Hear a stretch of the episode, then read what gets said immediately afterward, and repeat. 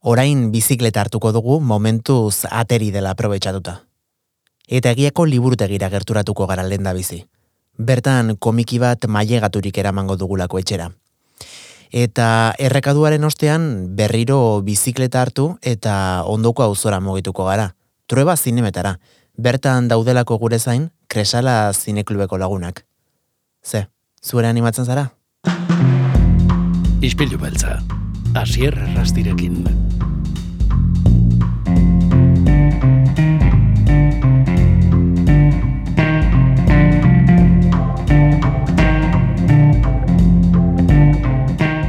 Ruben Vidal, ongi etorri gure izpilura. Kaixo, unon. Esker, gatik.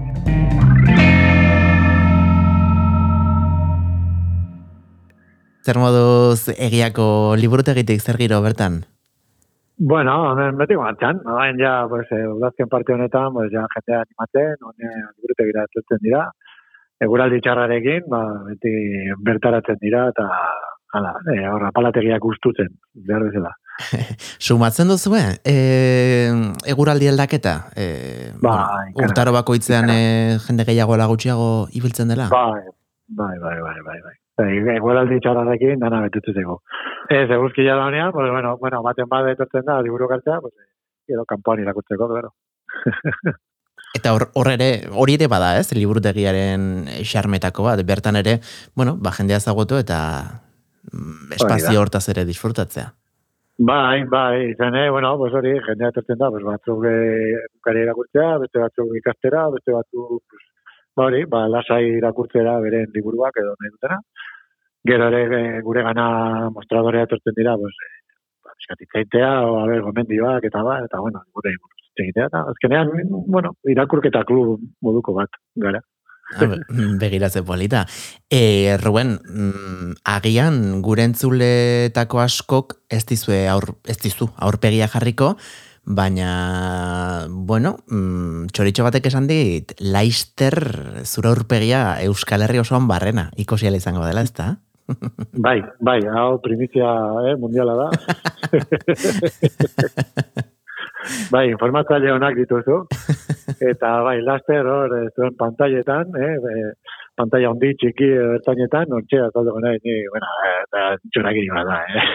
eta artetxo batean, bakarrik. Euskal Telebistan. Artefaktua, artefaktua telebista saioan, bai.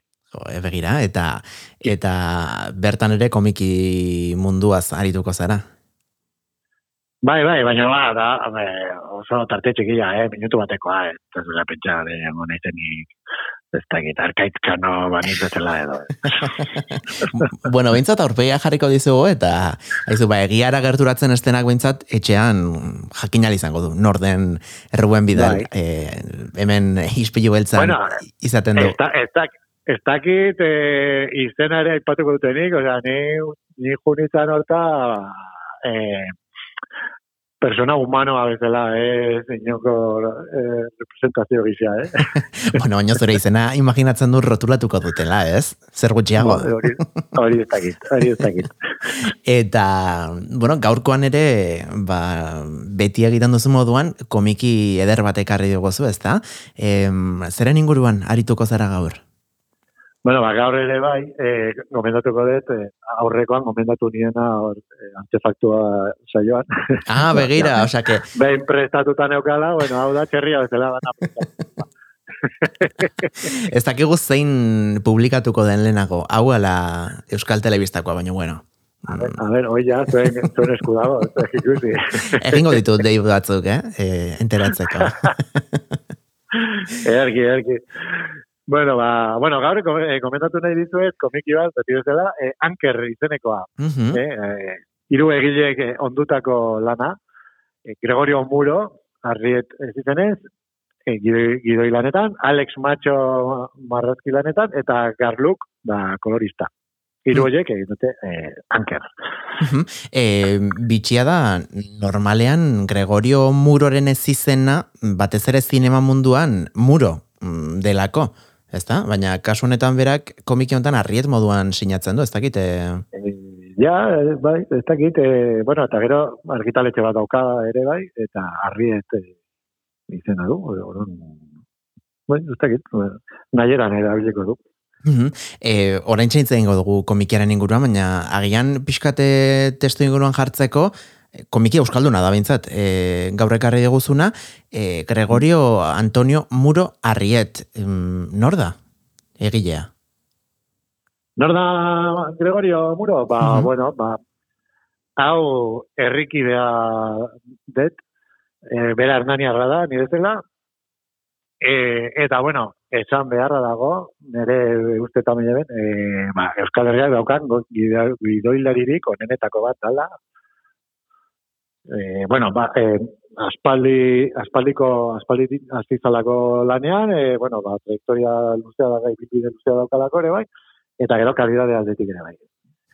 Behin izan genuen hemen liburutegian, eta, bueno, ba, kontatu zigo, bueno, ba, zinema munduan ere ba, eskarmentu handia daukala, eta, gero, ere kontatu zigun, ba, bueno, ja, pixkat, e, nekatu zala mundu horrekin, eta, ba, ja, zentratu dula bere bilbidea, ba, komikietan, ba, hor, askatasun handiago daukalako, berak nahi duen guztia idazten du, berak aukeratzen ditu gaiak, eta orduan, ba, bueno, pues, e, aldertatik, ba, oso, oso libreago sentitzen da. Eta baita ere, esan beharra dago, Frantzian ere baduela bere, pues, bere publikoa, eta, bueno, Frantzian beti komikiak badu oi hartzun handiagoa, eta han ere arrakastatsua da. Jo, beraz, e, Gregorio, Hernanetik e, aratago ere izan du hartzuna, eh? Besteak beste, e, gure Bai. entzulek, mm, bueno, mm, uler dezaten mm, zer nolako pertsonaiaz ari garen, 2000 eta amaikean e, goia sari bat irabazi zuen, e, laburmetrai, animaziozko laburmetrai onenaren goia saria, em, zinema munduan ere, bueno, ba, animazioan egin dituelako bere, bere gauzak ere. Bai, bai, bai. Orain, eh, ez galdetu izen buruati, porque ja astuta daukat, baina... Zeinek gehiago baina bai, bai. iraun, hemen txauka txuleta. Ja, ja. Eta, eta bera izan da kasu honetan, e, gaur gurera ekarri diguzun gidoiaren, e, gidoia ez barkatu komikiaren gidoia egin duena, ez? E, idazlea. Baina beste bi Bai. artista ere badaude atzean. Hori da, Alex Macho eta Garnok, bai. Nik, eh, bueno, ja, aspaldian eh, ba, ezagutu nu bere lana, eta geroztik, ba, beti eh, argitaratzen duen bakoitzean zerbait, beti zuzenean, irakurtzera juten naiz, e, benetan, zoragarriak egiten ditu komikiak, eh? Ba, batzen dut, e, asko gustatzen zidala, eta hemen gomendatu nuen, gainea, zai honetan, e, nola zan, e, lotxa eta izuna, Mhm.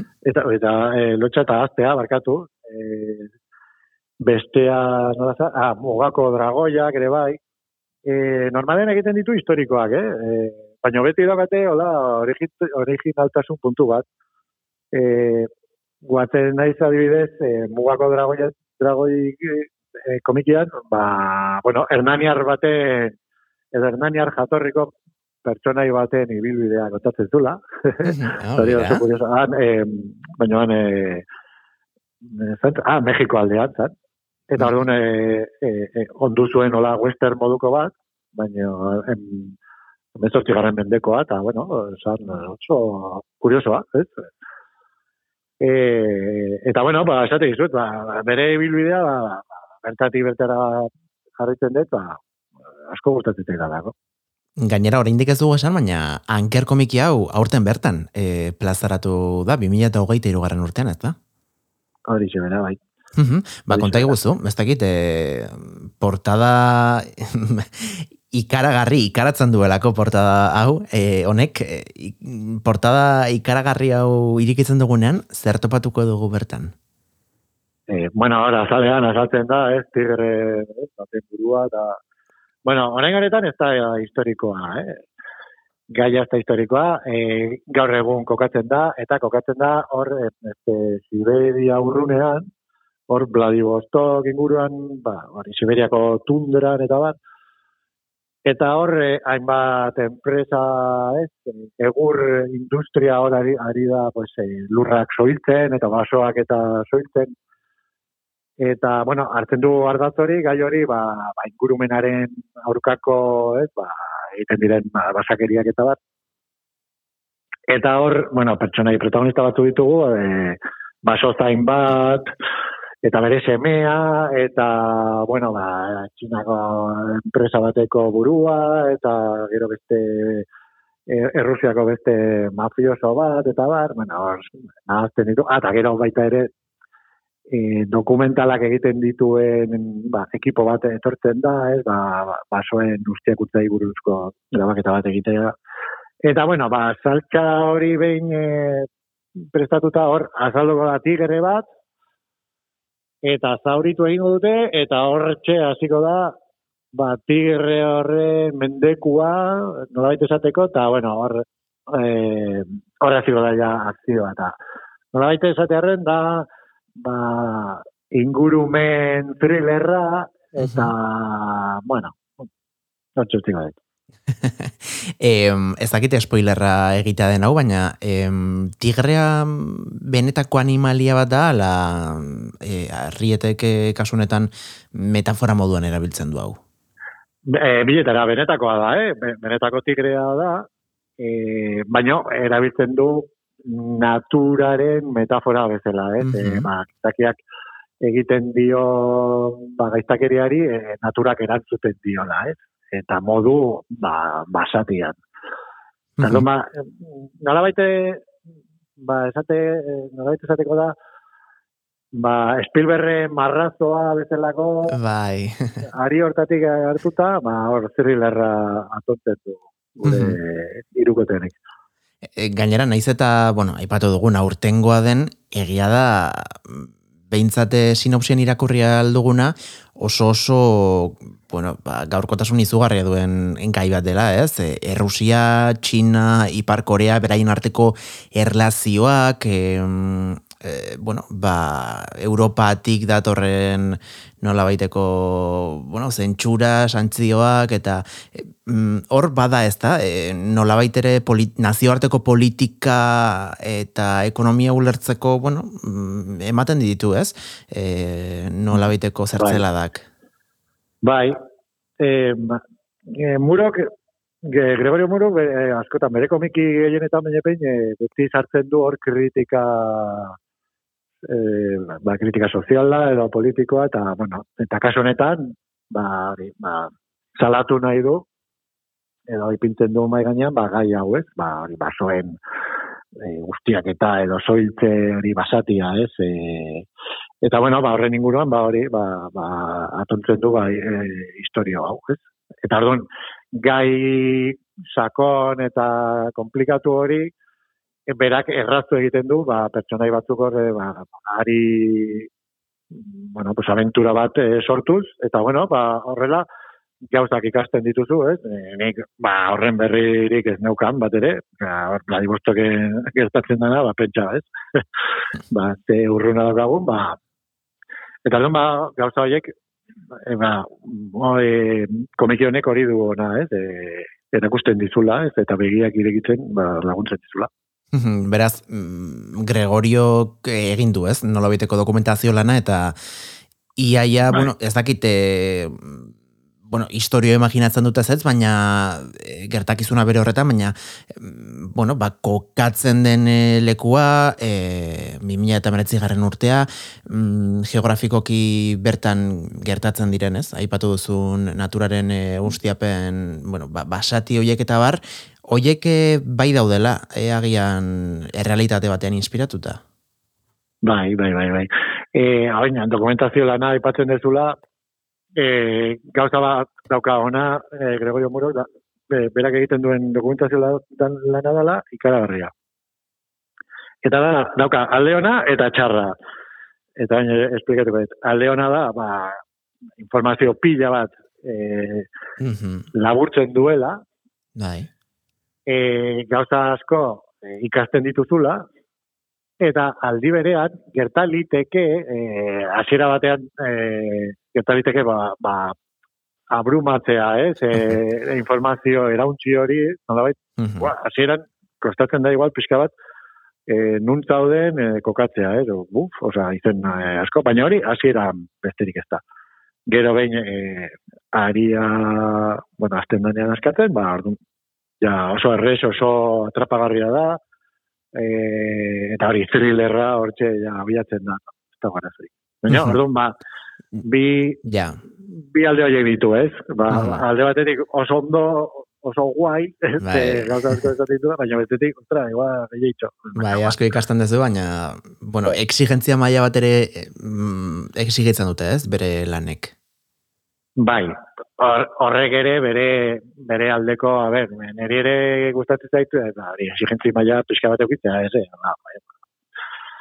Ez, bueno, hori ere bai, ba, eh, boladaren arabera, eh, igual, Hmm. batzutan ez duzu nahi, eh, zure burua komplikatu, eta bestetan, pues bai, nahi ez du zerbait, hola, ba, pixka bat exigentea, edo, a ber, zu kapa, kapazal nahi zen, ah, ulertzeko. Em, eduki aldetek ikusi dugu, bueno, agian ez dela publiko guztientzat, behintzat adin minimo bat izan behar zula, ez? E, batipat ulertzeko pixka bat egoera sozioekonomiko guzti hau, eta beste alde batetik ere, portadak, ez dakit zuk ze iritzi duzu, baina jende askori agien ez dio gehiagi gonbidatuko, ez? Barruan liburuak duena deskubritzera. Eh, ja, ja, a ber, eh, nik ere nire zalantzak izan ditut, hau, nik komentatuko nire, eta, bueno, publiko aldoari, bai, eh, eta ba, zalantzarik. Baina, bueno, gero pentsatzen, ba, gazteri, a ber, igual, hasierako ba, testu inguru komplikatu hori kentuta, a ber, egia esan, gero, historia, ba, nahiko dela. Orduan, bueno, igual egin dezake, nola baitu, piztu ba, kuriosidade hori, a ber, hau ze arraia da, bla, bla, ibastok, hau, be- basoen kontua, ze industriak, hau, eta mafiosoak, eta, bueno, ba, nola baitu, ba, eh, nuke baztertuko, eh, gaztei gomendatzea.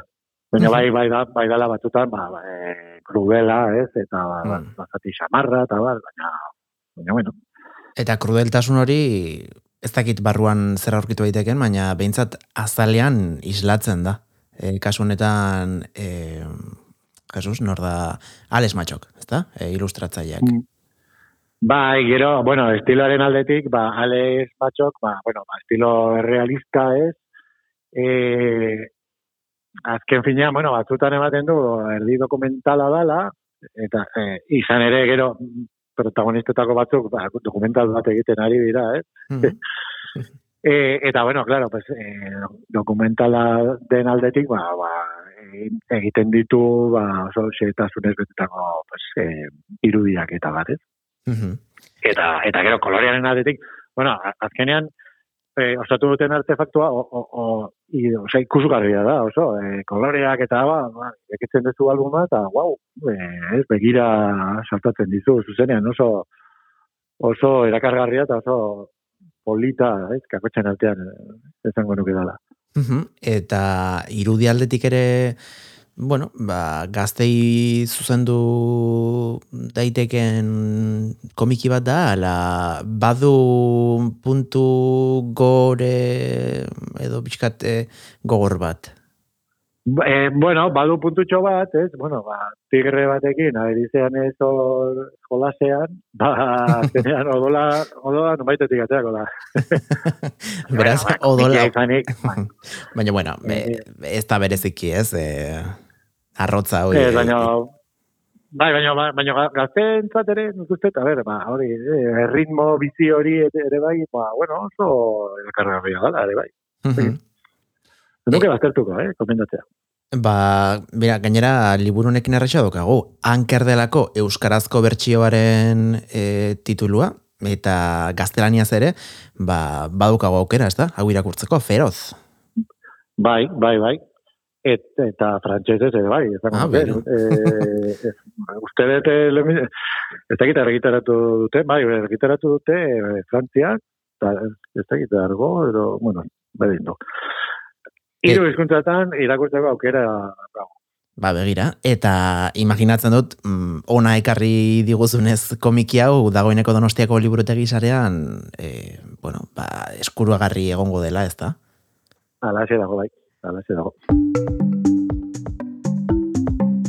Jo, ba, Ruben Vidal, eskerrik asko, beste behin horrelako proposamen zoragarriak ekartzeagatik, gurera izpilu beltzara, e, badakizue, egiako liburutegian aurkituko dugula, ez dakit goizez, arratsaldez, e, noiz aritzen zaren zu? Egian ar- arratsaldez, jarduten dugu. Ba, begira, arratsaldez e, arajun eta ziur Rubenek aterako duela tartetxo bat, komikie zezuekin hitz egiteko. E, Ruben, eskerrik asko, urrengo arte. Ba, ez horregatik, plazera izan da, zian. Besarka bat, berdin, agur. Agur, agur. Ispilu beltza podcasta entzun gai duzu, Spotify, Apple Podcast, Google Podcast eta beste hainbat audio plataformatan.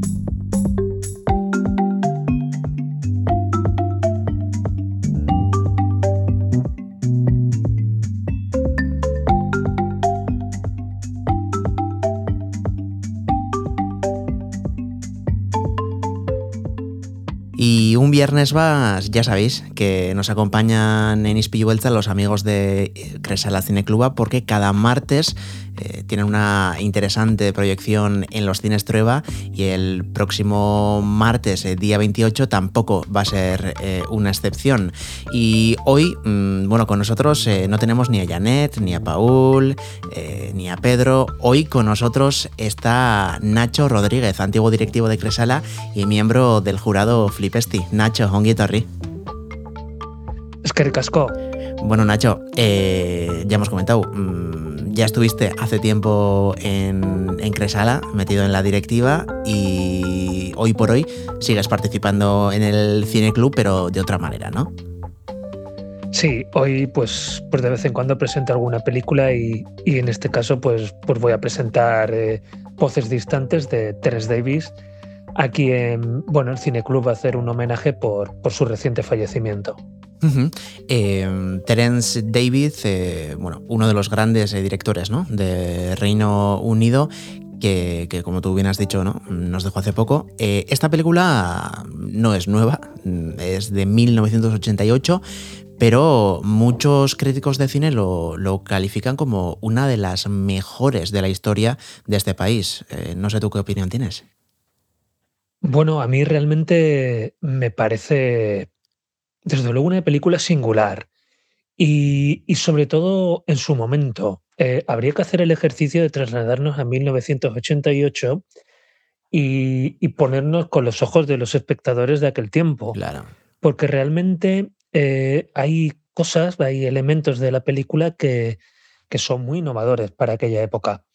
Eh, por ejemplo, la narrativa. Eh, es una película que, claro, visto hoy, eh, cuando ya hemos visto películas de Christopher Nolan, cuando hemos visto películas de Pichapong, eh, Cool, cuando hemos visto películas de Tarantino, eh, por citar algunos, donde la narrativa, bueno, eh, Gaspar Noé, por ejemplo, en Irreversible, donde el relato eh, se presenta de forma desordenada, con saltos en el tiempo, hacia detrás y hacia adelante. Uh -huh. cuando en 1988 se presenta esta película, eh, realmente no, no se había visto nada por igual, o al menos no se había visto en el circuito habitual de, de festivales y de mm, salas comerciales, ¿no? En ese sentido es una película muy novedosa. Eh, también en el uso del sonido y en el uso de la música. Es una especie de musical, eh, en algún lugar he leído como se define como musical prustiano, en el sentido de que las, las canciones nos evocan a tiempos pasados. Y, y, aquí realmente la música está perfectamente integrada en la película. Son muchas de, las muchas de las veces las que aparece música son los propios actores quienes cantan. Ah, mira. Y además lo hacen de una forma muy expresiva. No solamente cantan muy bien, sino que expresan eh, muy, digamos, de forma muy adecuada los sentimientos que esas personas sienten en ese momento. Eh, y también el sonido. Hay, por ejemplo, en, la, en, el inicio de la película hay, hay un momento en el que se ve la madre que sale a recoger unas botellas de leche, entra en la casa, la cámara entra también en la casa, se queda enfocando a la escalera y se oye bajar a los, a los hijos de, de esta mujer, pero no se les ve. Eh, eso también en esa época era algo realmente innovador. Eh, yo, por ejemplo, he encontrado aquí un comentario de Ángel Fernández Santos, eh, cuando vio la película en Valladolid en 1988, cuando, que además ganó la Espiga de Oro, que dijo que era una de las obras más bellas y difíciles del cine europeo de este decenio, de este decenio refiriéndose a los 80. Uh -huh. Y realmente lo es, eh, a los dos niveles, en cuanto a belleza y en cuanto a bueno, que podía resultar un tanto inaccesible al espectador de aquella época. Hoy día yo creo que estamos mucho más acostumbrados a, ello y que, bueno, se ve de una forma mucho más, entre comillas, fácil, ¿no? Que, en aquel momento. Eh, no podríamos empezar a, enumerar todos los premios que ganó en su día, en el 88, esta película, porque es una pasada todo lo que se llevó, eh, pero a nivel social, eh, la gente, mm, la gente de la calle que no estaba bueno, especializado, que no es experta en cine, ¿cómo, ¿cómo la cogió en su día? Bueno, yo diría con, con cierta frialdad. Em, en España se estrenó en noviembre del 88 y solo tuvo 35.000 espectadores. Claro, hoy día 35.000 espectadores para una película de, cine de autor de este tipo, pues no sería una cifra desde luego mala. Pero en aquella época en el que la gente iba mucho más al cine, 35.000 espectadores es una cifra realmente más bien pequeña.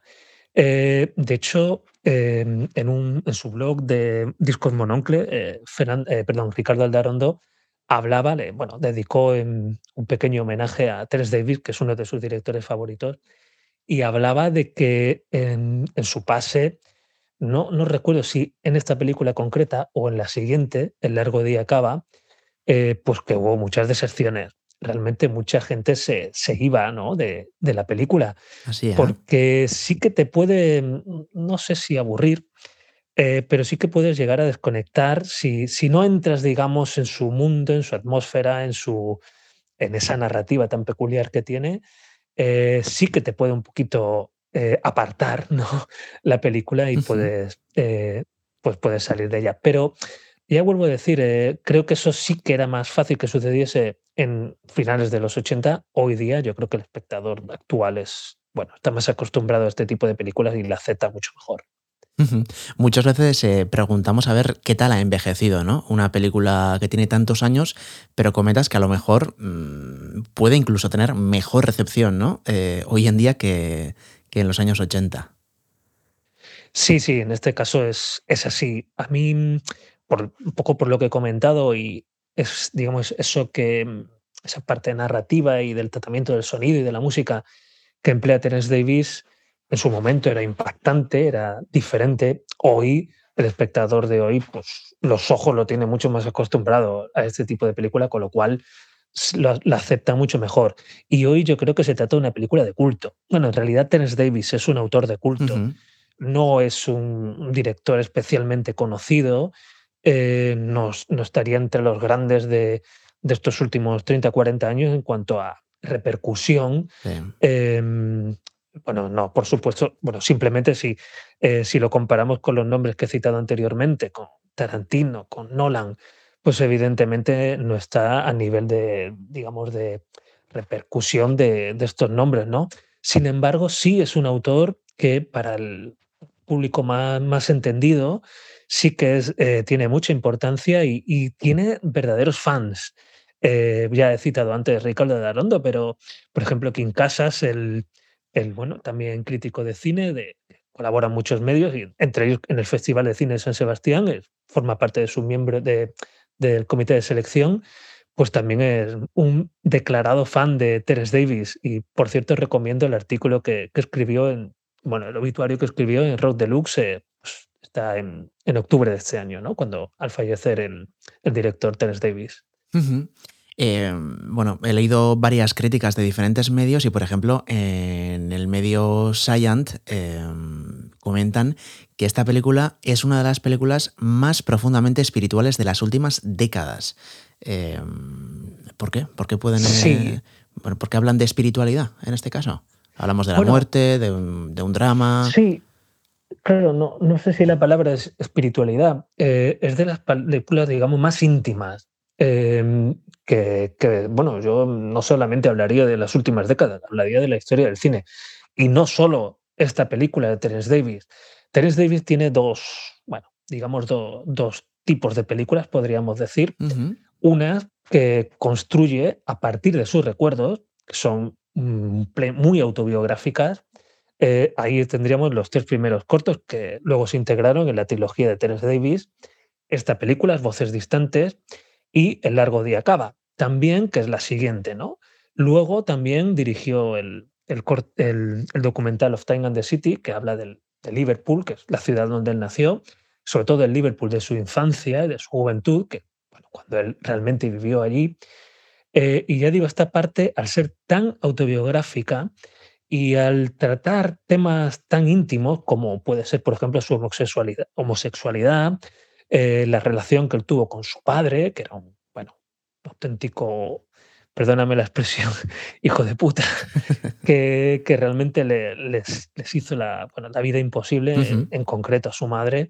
Eh, una mujer con la que, por cierto, tuvo una relación extraordinaria durante toda su vida, Terence Davis, algo que se refleja no solo en estas películas, sino en, en las otras películas que, ha realizado, la mayoría de ellas adaptaciones literarias en las que hay una mujer eh, que sufre, digamos, eh, bueno, tiene un, están heridas por, por, por las circunstancias que les ha tocado vivir, algo que evidentemente podría estar relacionado con su madre.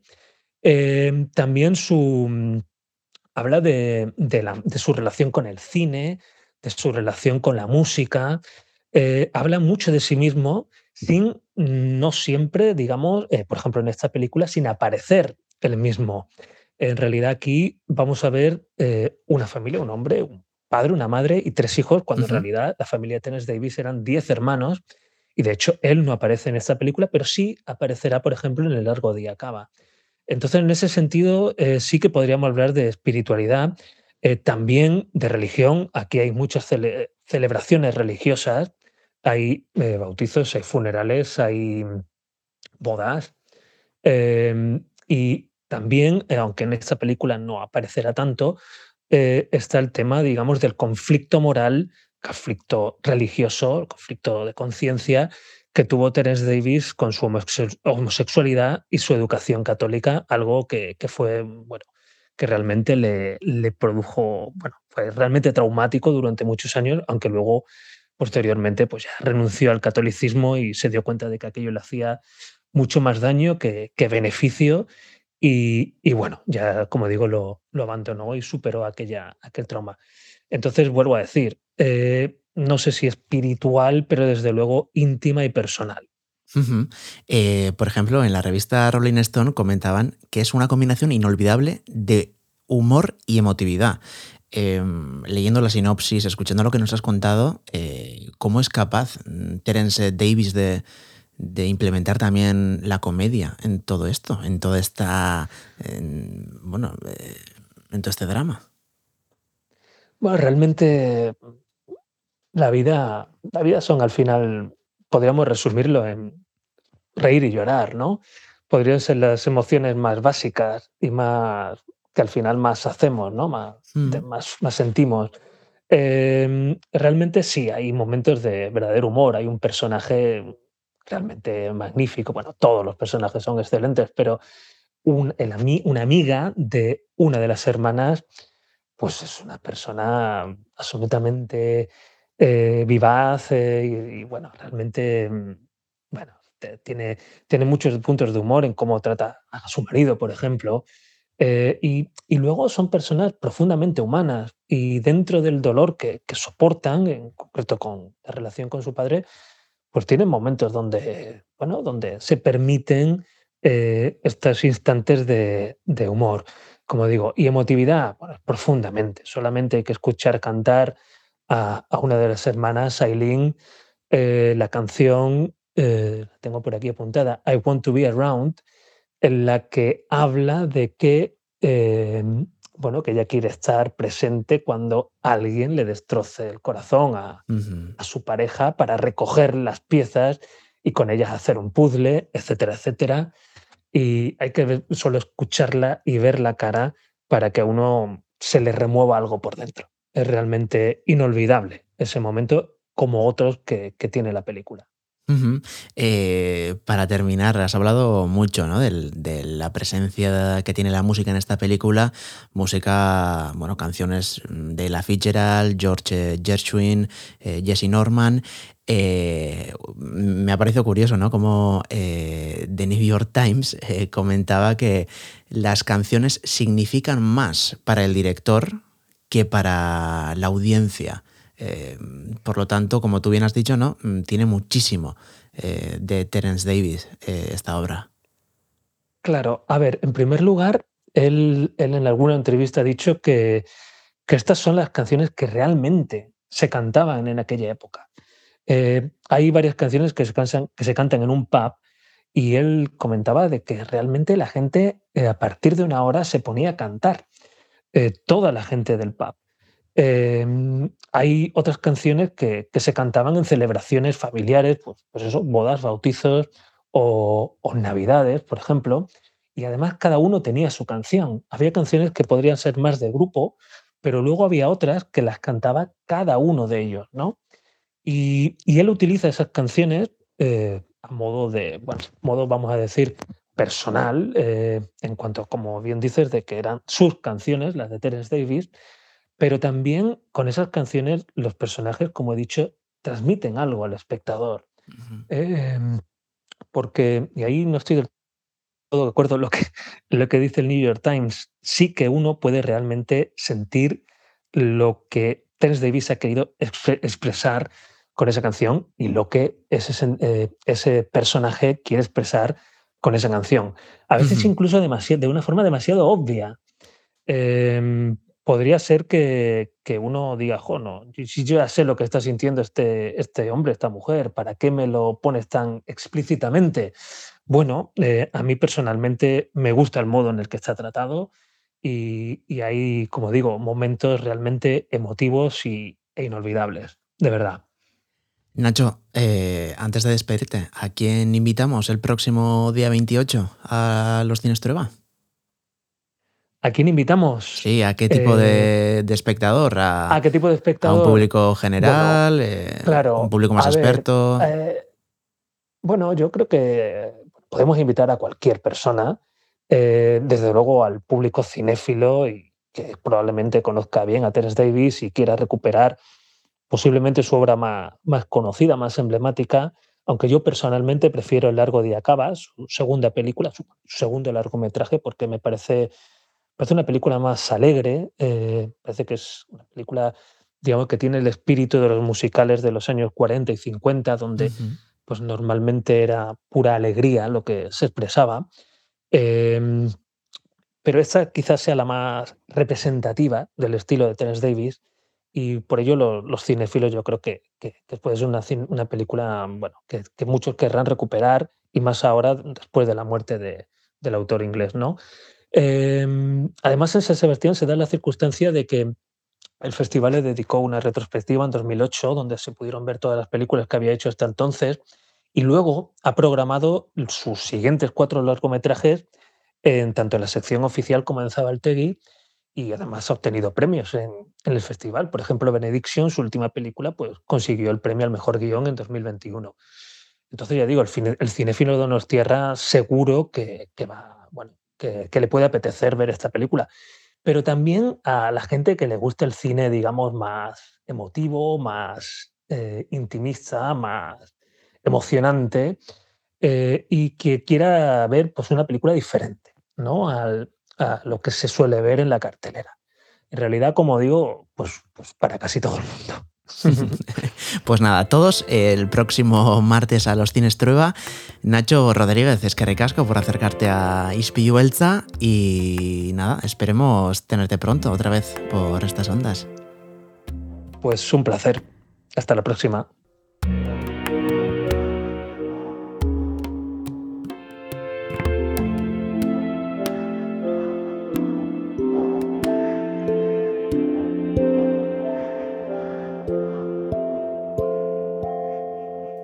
Ba, tira entzule, amaitu da astea. Orain asteburuan atxeden hartzeko tartea izango dugu denok eta astelenen itzuliko gara indar berriturik ispilu beltzaren edizio berri batekin. Goizeko seiretan zure podcast plataforman edo bestela zortziretatik aurrera eunda zazpi puntu lau FM-ean donostia kultura irratian. Bien bitartean beti esaten duguna, txintxo ibili eta deskantzatu asteburuan. Muxo handi bat, agor! you.